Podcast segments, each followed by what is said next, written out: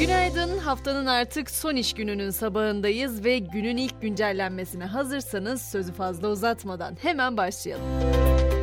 Yılın son Milli Güvenlik Kurulu toplantısı dün yapıldı. Yaklaşık 3 saat süren toplantının ardından bir MGK bildirisi yayımlandı. O bildiride güney sınırında terör örgütünün varlığına müsaade edilmeyeceği, bunun için gereken her adımın kararlılıkla atılacağı vurgulandı.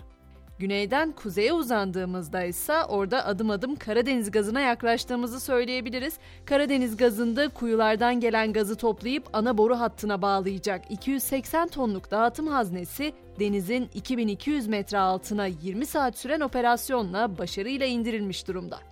Bu arada denizlerden bahsetmişken yaşanan palamut balığı bolluğunun ardından bu kez hamsi de denizlere akın etti. Geçtiğimiz hafta kilosu 80 liradan satışa sunulan hamsi bu hafta kilosu 40 lira civarında tezgahlardaki yerini aldı.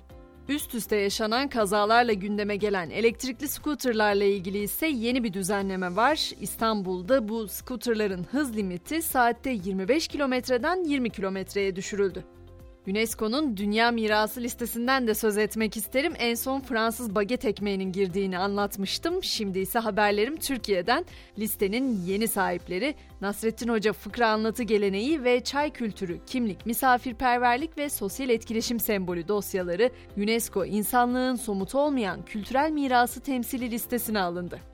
Şimdi sınırlarımızın biraz dışına çıkalım ve Çin'e gidelim. Orada biliyorsunuz sıfır vaka politikası nedeniyle çok yoğun protestolar vardı günlerdir. İşte o protestolar sonrası sıfır vaka politikası gevşetildi. Ülkede Covid-19 vakalarının yükseldiği Şangay ve Guangzhou'daki onlarca bölgede karantina ilan edilmedi.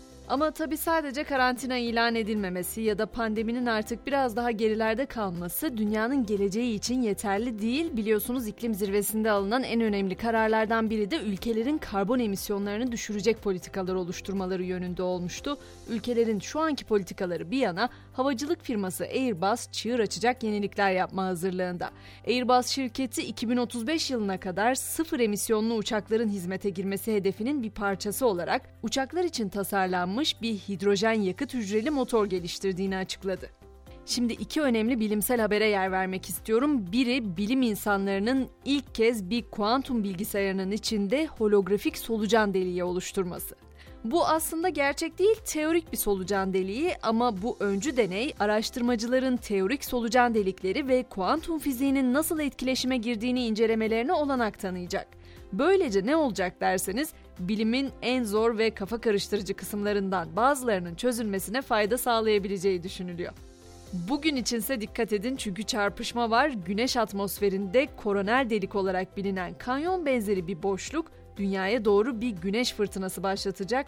Uzmanlara göre sürekli bir yüklü parçacık akışı bu boşluktan yayılabilir ve saatte 3 milyon kilometreye varan yüksek hızla ilerleyebilir. Bize etkisi ne olacak? Bu ne demek derseniz şöyle söyleyeyim. Uzmanlar güneş fırtınasının elektrik şebekelerine ve uydu iletişimine zarar verebileceği konusunda uyarıyor. Hemen spor dünyasına hızlı bir geçiş yapalım. Futbol Disiplin Kurulu İzmir'deki olaylı derbiyle ilgili cezaları açıkladı. Göztepe'ye 4, Altay'a ise 6 maç kendi sahasında seyircisiz oynama cezası verildi. Dünya Kupası'nda ise dün oynanan 3. ve son karşılaşmaların ardından Fas ve Hırvatistan son 16 turuna yükseldi. Hırvatistan'la 0-0 berabere kalan ve turnuvaya veda eden Belçika'da teknik direktör Roberto Martinez istifa etti. TRT'de yayınlanan Kanada-Fas maçında ise 4. dakikada gol olması üzerine spiker Alper Bakırcıgil Dünya Kupası tarihindeki en erken golün Hakan Şükür tarafından atıldığı bilgisini verdi. Devre arası spiker değişti ve ikinci yarıyı spiker Cüneyt Kıran anlattı. Alpay Bakırcıgil ise TRT ile ilişiğinin kesildiğini açıkladı. Kupanın favorilerinden Almanya ise E grubundaki son maçında Costa Rica'yı 4-2 yenmesine rağmen grup üçüncüsü olarak elendi. Japonya İspanya'yı 2-1 yendi ve grubu lider bitirdi. 4 puanda kalan İspanya ise gol avarajıyla son 16 biletini aldı. Kupada bugünün takvimini de hemen aktarayım. Bugün grup maçları tamamlanacak. H grubunda saat 18'de Gana Uruguay, Güney Kore Portekiz maçları var. G grubunda ise saat 22'de Sırbistan İsviçre, Kamerun Brezilya mücadeleleri oynanacak. Son durağımız ise Poto olacak. Avrupa Ligi'nin 11. haftasında Anadolu Efes konuk ettiği Yunanistan temsilcisi Olympiakos'u 82-71 yendi. Anadolu Efes eski Hırvat basketbolcusu Simon'un formasını da emekliye ayırdı. Forma törenle salona asıldı. sabah güncellememizi burada noktaladık. Akşam saat 18 itibariyle ben yine burada olacağım. Sizleri de bekliyorum elbette. Görüşünceye kadar mutlu günler diliyorum. Hoşçakalın.